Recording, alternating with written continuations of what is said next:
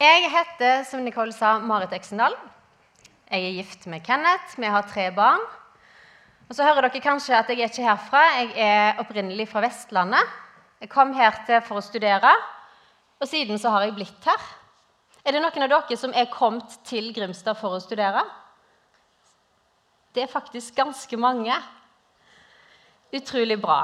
Så håper vi at noen av dere blir i Grimstad. Det er veldig fint. Jeg, fra, jeg går til daglig i denne menigheten, og jeg er veldig glad i menigheten min.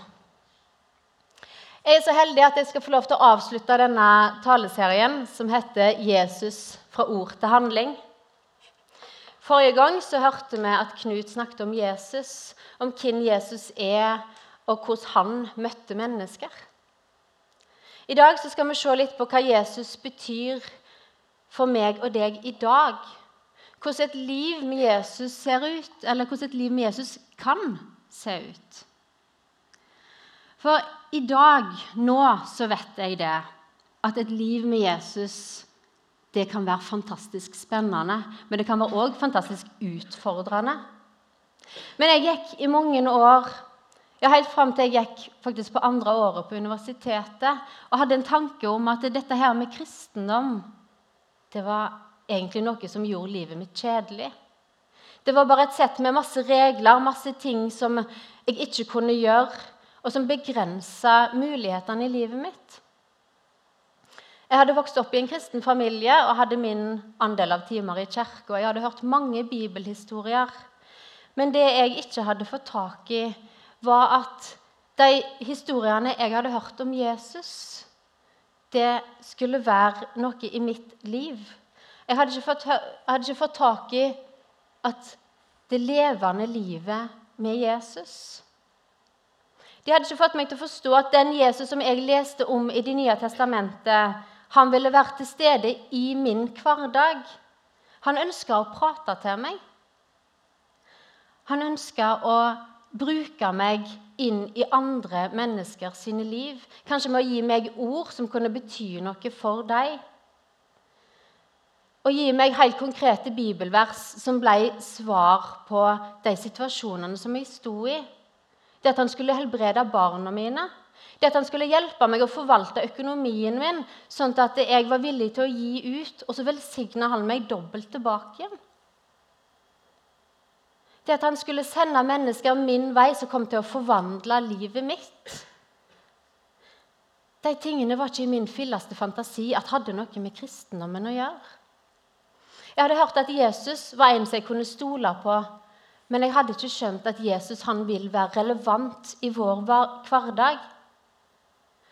At han skulle utfordre meg til å ta steg, og at jeg skulle gjøre ting som jeg ikke kunne gjøre i egen kraft, men som jeg var avhengig av Guds kraft og visdom for å utføre. At han ville være med meg på jobben og vise meg mennesker som jeg kunne få lov til å vise hvem Jesus er for. Som jeg kunne få lov til å vitne med mitt liv for. Det var en åndelig verden som jeg ikke hadde noe forhold til. Og Jeg hadde som sagt fått masse bibelundervisning, men jeg hadde ikke fått den personlige, levende relasjonen med Jesus. Jeg hadde hørt mange historier om Jesus, men jeg hadde ikke fått tak i hva Jesus skulle få lov til å bety for meg, og hvordan mitt liv sammen med Jesus kunne se ut. Kanskje du har det litt på samme måten? Kanskje du sitter her og har den samme tanken som jeg hadde. At eh, jo, jeg har lest en del i Bibelen, og det er mange fine historier om Jesus der. Men så har du kanskje ikke fått helt tak i hvordan det livet med den relasjonen med Jesus hvordan det kan se ut. Eller kanskje så sitter du her og tenker at jo da, jeg har jo fått tak i at det er en relasjon, at Jesus vil bruke meg. Og... Men så er det bare det at livet er så hektisk. Jeg har så mange ting som jeg må gjøre i min hverdag, som tar mitt fokus. Og så kommer Jesus han kommer litt sånn lenger der bak. For prioriteringen den blir veldig lett at Jesus kommer i etterkant.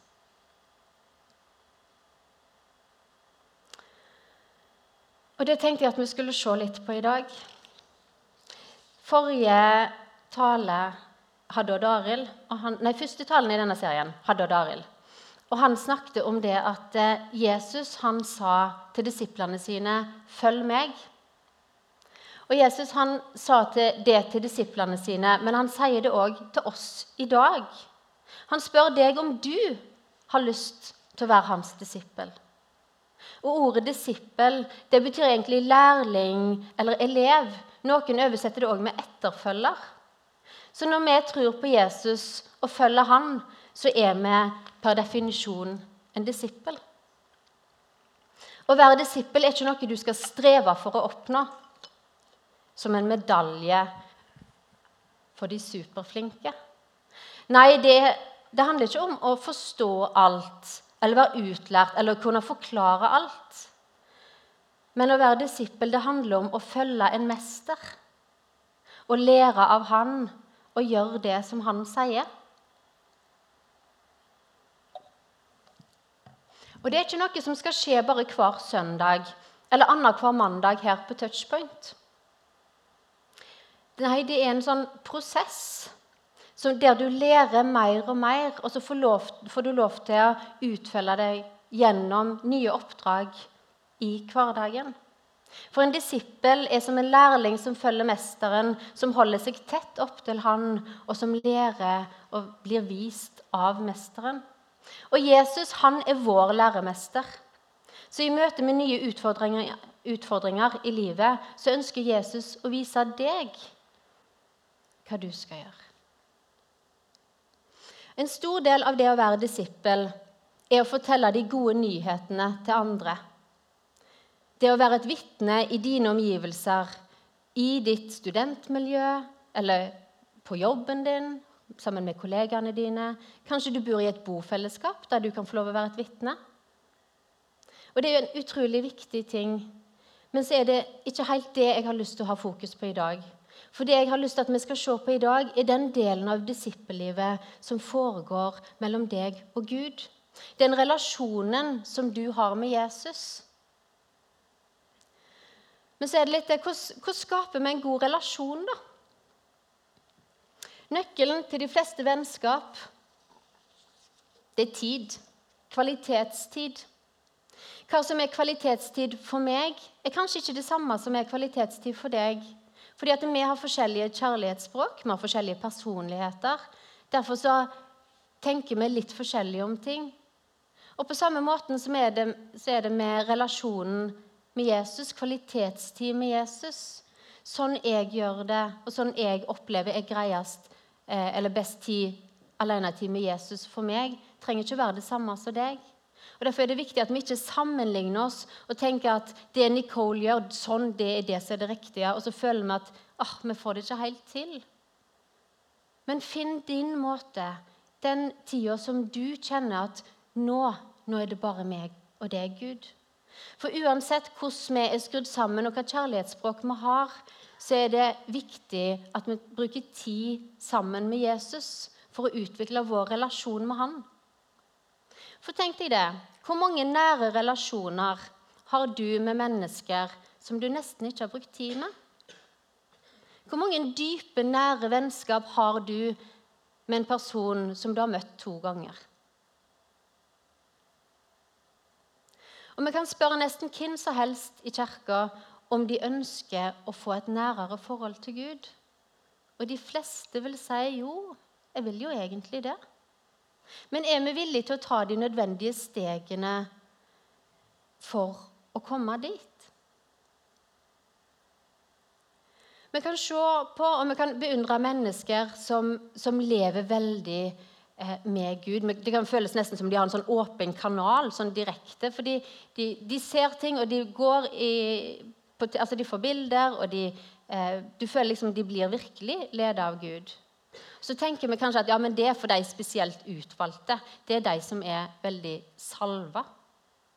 Men sannheten er at det er ikke, det, de er ikke nødvendigvis spesielt utvalgte, men de har funnet den nøkkelen. De har investert tid med Jesus. Ikke kun på søndag eller mandag, men de har gjort det til en livsstil. De har Jesus med seg gjennom hele veka. De småprater med Jesus hele dagen. Og så er de faktisk villige til å ofre noen ting for å få tid til kvalitetstid med Jesus. For det kommer ikke av seg sjøl. Det handler om en prioritering. Det handler om prioritering av tid. Det handler kanskje om mindre Netflix og mer Bibel. Mindre lovsang. Nei, feil. Mindre Facebook og mer lovsang. Eh, mindre prating og kanskje mer lytting til hva Gud, hva vil du? Mindre meg og mer Gud. Og Jeg har selv fått oppleve det at når jeg skrur av Netflix og setter meg og leser litt i Bibelen, når jeg stiller meg til disposisjon for Gud og spør Gud, hva vil du med denne situasjonen, eller hva vil du med livet mitt? Og Når jeg da går på det som jeg får fra Gud, så har jeg virkelig fått oppleve å få lov å gå inn i hans ferdiglagte gjerninger. Så jeg har fått lov til å være med på det Jesus gjør i andre mennesker sitt liv. Jeg har fått lov til å kjenne på det spennende og utfordrende livet sammen med Jesus. Og Jesus han utfordrer oss alle til et hverdagsliv der Den hellige ånd lar oss hjelpe oss til å høre Guds stemme. Og Dette er ikke noe som krever at vi er spesielt intelligente eller begava eller veldig åndelige som noen sier. Nei. For når, vi, når du sa ja til Jesus, når jeg sa ja til Jesus, så fikk vi for det første det evige livet i gave. Når vi sa ja til Jesus, så fikk vi billetten til himmelen. Den har du. Og punkt to Når du sa ja til Jesus, så fikk du Den hellige ånd. Han flytta inn på innsida di. Så av og til så tenker vi at å, men de er mer åndelige enn meg. Nei, du har, du har, ikke bare litt ånd. Du har Guds ånd boende på innsida.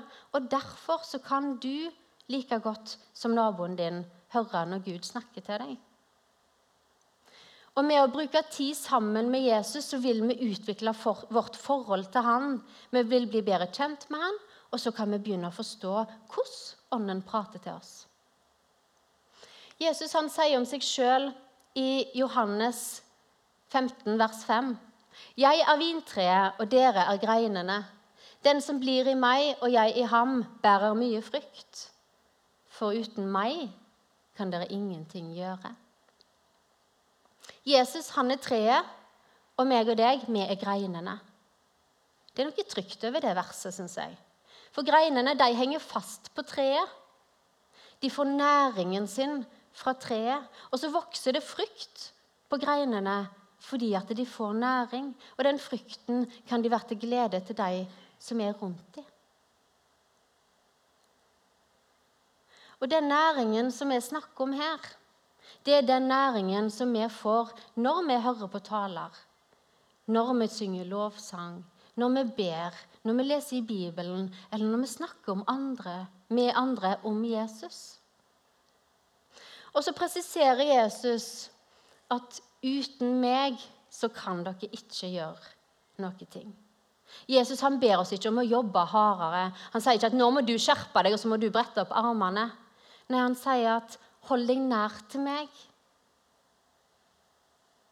Faktisk så er greinene de er innpoda på stammen. De er ikke bare limt på, men de er innpoda. De henger fast i Jesus. Så det starter altså med at vi setter oss ned med Jesu føtter og holder oss tett til han. Og lytter til han, hva det er han har lyst til å si til oss. Så husker du kanskje historien om søstrene Martha og Maria, som fikk besøk av Jesus.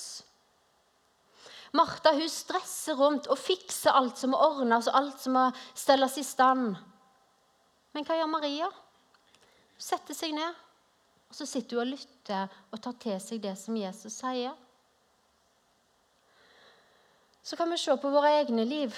Ofte så har vi det, spesielt jeg, har det så travelt med så mange ting jeg må bare fikse og gjøre og ordne. Så tenker jeg jo da, jeg skal få lest litt i Bibelen i dag, men jeg skal bare gjøre det først. Og så skal jeg bare gjøre sånn. Og så blir det de fem siste minutter før jeg skal legge meg. Da er det 'Hei, Jesus'. Ja, det, er nå er det oss. Hvis jeg kun hadde hatt tid til min mann Kenneth, de fem siste minuttene før jeg sovna om kvelden, hva forhold tror dere vi hadde hatt da? Ikke nært, dypt og romantisk, akkurat. Så hvis vi ønsker å bli bedre kjent med Jesus og bygge en relasjon til han, så er det viktig at vi bruker tid med han. Men hvordan bruker vi tid med Jesus, da? Det første jeg har lyst til å ta fram, er Bibelen. Bibelen er direkte tilgang til Gud. Bibelen er Guds ord. Men Bibelen er òg for mange av oss den store, dårlige samvittigheten. Men hør det å lese i Bibelen for å please Gud er det samme som å gjøre lekser for læreren. Det er ikke Gud vi leser i Bibelen for. Men hvorfor bør vi egentlig lese i Bibelen, da? Er det for å bli klokere? For å ha mer kunnskap om historien? Bør vi vite hvem som var eldst av Abraham og Moses? Bør vi vite hva landet som israelsfolket, når de hadde vandra rundt i 40 år i ørkenen, hva var det landet hva var det det het igjen? Og Noen ganger så ønsker vi kanskje å vite litt om hva som har skjedd i historien, men det er ikke det som skal være drivkraften din for å lese i Bibelen. For hovedgrunnen til at du og jeg bør lese litt i Bibelen, er for å finne ut mer om hvem Jesus var. Men rett og slett for å bli bedre kjent med Jesus. For å bygge relasjonen med ham. Og Istedenfor å bare lese sida opp og sida ned, så ta heller også stopp opp og sett deg sjøl inn i det du leser, inn i den situasjonen. hva gjorde Jesus når han møtte tolleren Sakkeus? Eller hvordan snakket han til den kvinnen med brønnen? Eller hvordan takla Jesus å bli frista av djevelen? For hvis ditt fokus når du leser Bibelen, handler om å bli bedre kjent med Jesus, så blir bibellesingen helt annerledes. For istedenfor å pløye gjennom disse bøkene fra perm til perm, Ta heller og så bla deg fram til ei overskrift som du syns virker litt spennende. Jesus gjør under. Eller Jesus helbreder. Eller noen av lignelsene som Jesus fortalte. Så ser du på hvordan Jesus møtte menneskene, hvordan han svarer dem, og hvordan han var som person. Og så er du kanskje sånn som meg at du forstår ikke alt du leser. Da har jeg lyst til å utfordre deg til å ta med deg de spørsmålene til en venn. Kanskje du skal gå tur med en venn samme kveld. Still de spørsmålene og snakk litt om det. Eller ta de spørsmålene med deg til noen som har levd litt lenger sammen med Jesus. Ta de med, inn Hvis du er i ei cellegruppe eller ei Connect-gruppe, ta de med inn der.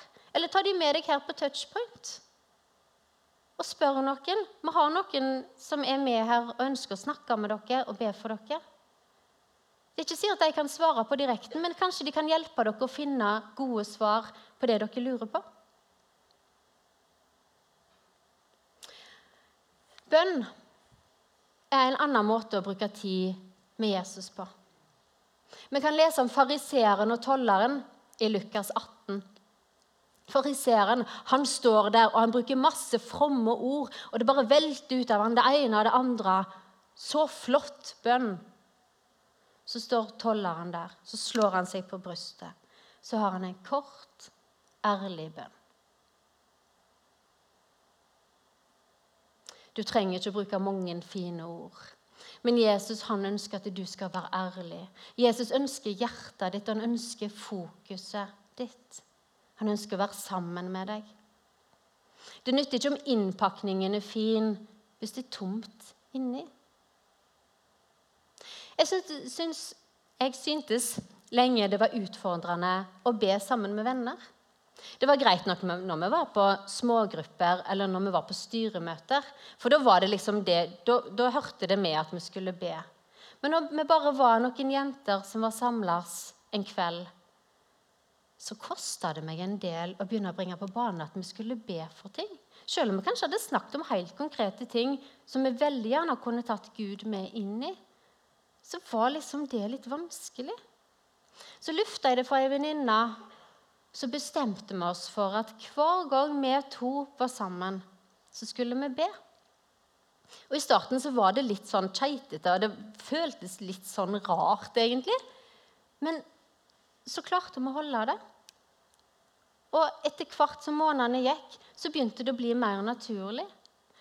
Og det som var så gøy, var at det, plutselig så var det ikke bare vi to som ba sammen, men dette her fikk jo ringvirkninger. Så plutselig så ble det helt naturlig at når han satt og snakket om noe, så kunne en si at du, men, men vi ber litt for det.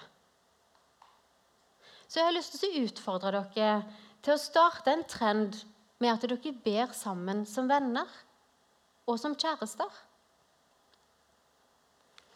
Lovsang er òg en fantastisk måte å bruke tid sammen med Gud på.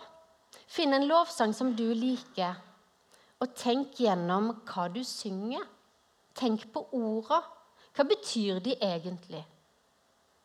Og så la, hva, hva betyr de egentlig for ditt liv? Og så la det få synke inn.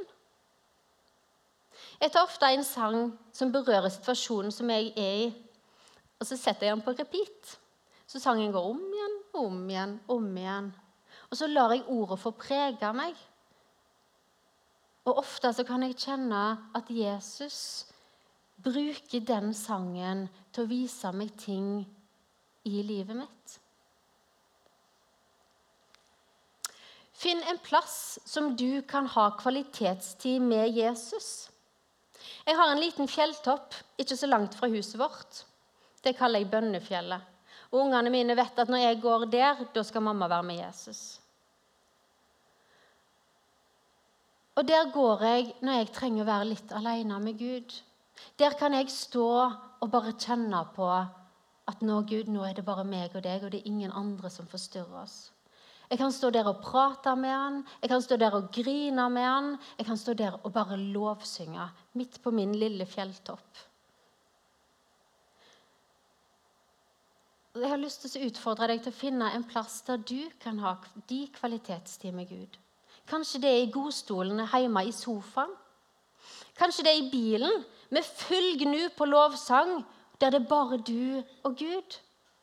Eller kanskje du òg har en plass ute, eller kan finne deg en plass ute i naturen som du kan gå og ha litt stilletid med Gud. Det siste punktet jeg vil ha her, eller snakke om nå, er det med fellesskap. For det kan være vanskelig å komme til en ny by for å studere. Så reiser du fra den menigheten som du kanskje har vokst opp i.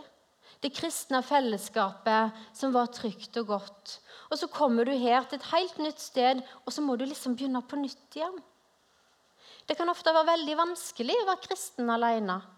Så får dere et, et stort bål med masse kubber som brenner sånn flott. Hvis vi da tar ut den ene kubben, så brenner den veldig bra helt i starten. Men etter hvert så begynner flammen å bli litt mindre og kjempe litt mer. For fellesskapet med andre kristne det gjør noe med oss.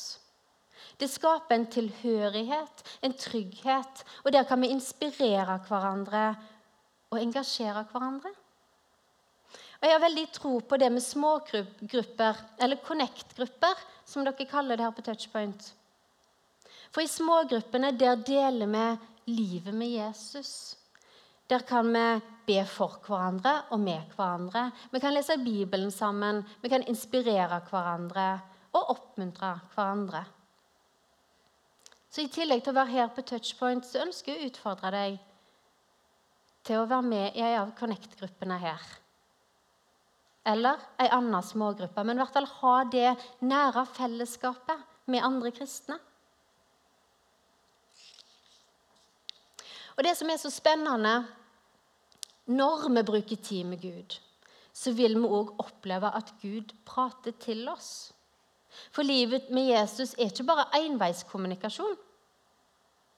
For Gud han ønsker å formidle noe til deg.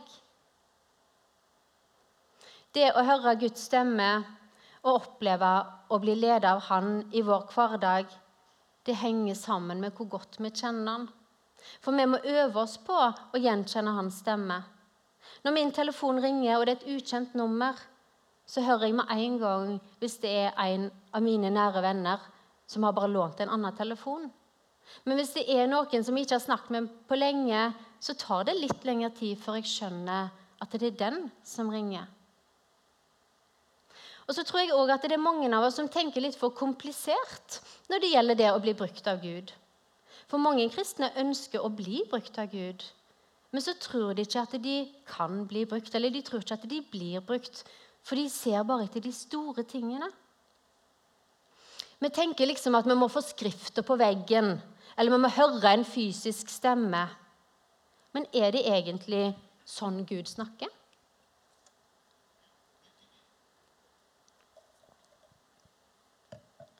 Nei, Gud han bruker tankene våre. Du kan få en innskytelse om noe som du skal gjøre. Kanskje du skal gå og oppmuntre en annen person. Ofte så høres det kanskje bare ut som mine egne tanker. Men hvis du da går på det og prøver det, så skjønner du kanskje at oi, det var faktisk Gud som ga meg den innskytelsen. Kanskje da du gir et ord til noen andre som de da eh, som kommer rett inn i den situasjonen som de var i. Og så kan du få en bekreftelse på at wow, der skjedde det faktisk noe som var utenfor det som jeg visste om. Vi kan få bilder eller vi kan få ord fra andre. Kanskje når du står i lovsangen her, så kommer det et bilde på netthinna di. Det kan godt være at det er til noen av de andre som er i salen. Gud kan gi oss, Når vi sitter og leser i Bibelen, så kan han plutselig gi oss en ny forståelse for det vi leser. Mange ganger har jeg merka at det som jeg leser i Bibelen, passer perfekt inn i den situasjonen som jeg var i, eller det jeg hadde bedt så lenge om at Gud måtte vise meg. Så bruker han disse, tidene, disse tingene inn i vår hverdag til å lede oss.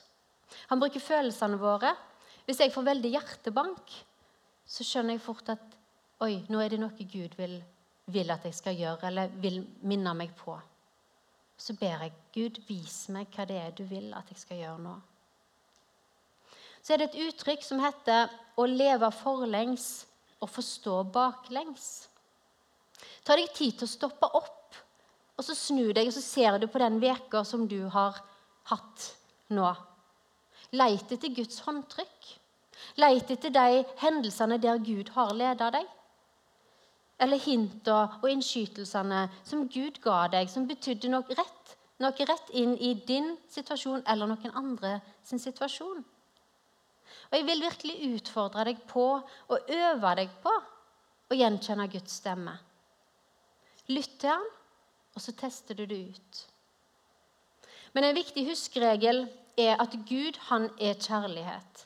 Så han kan aldri lede deg til å gjøre noe negativt mot en annen person. Spør deg sjøl er dette her en oppmuntring. Er det noen som bygger andre opp? Ja, da kan det være fra Gud.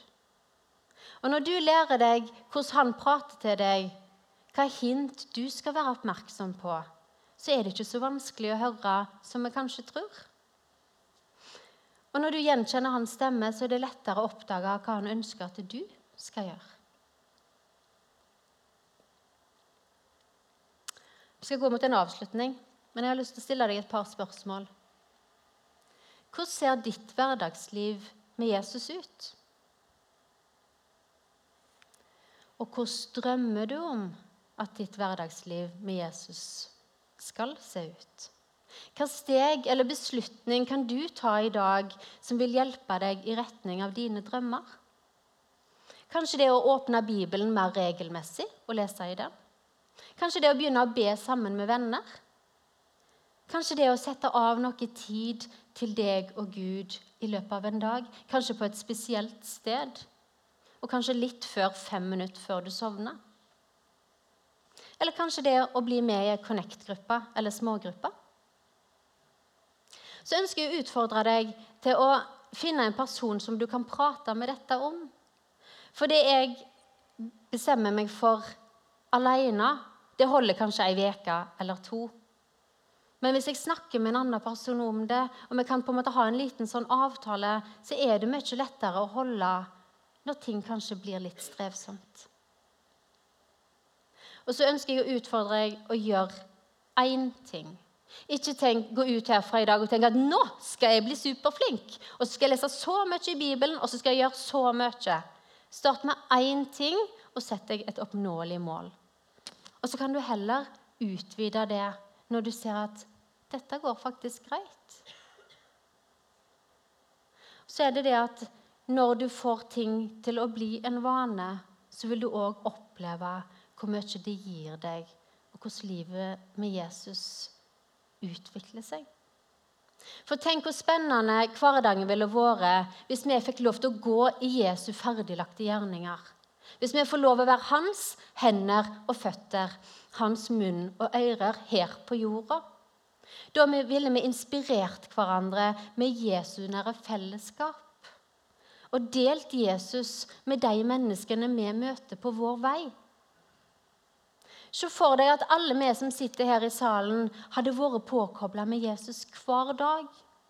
Tenk hva forskjell det ville gjort for menneskene rundt oss. Og tenk hva forskjell det ville gjort for våre egne liv.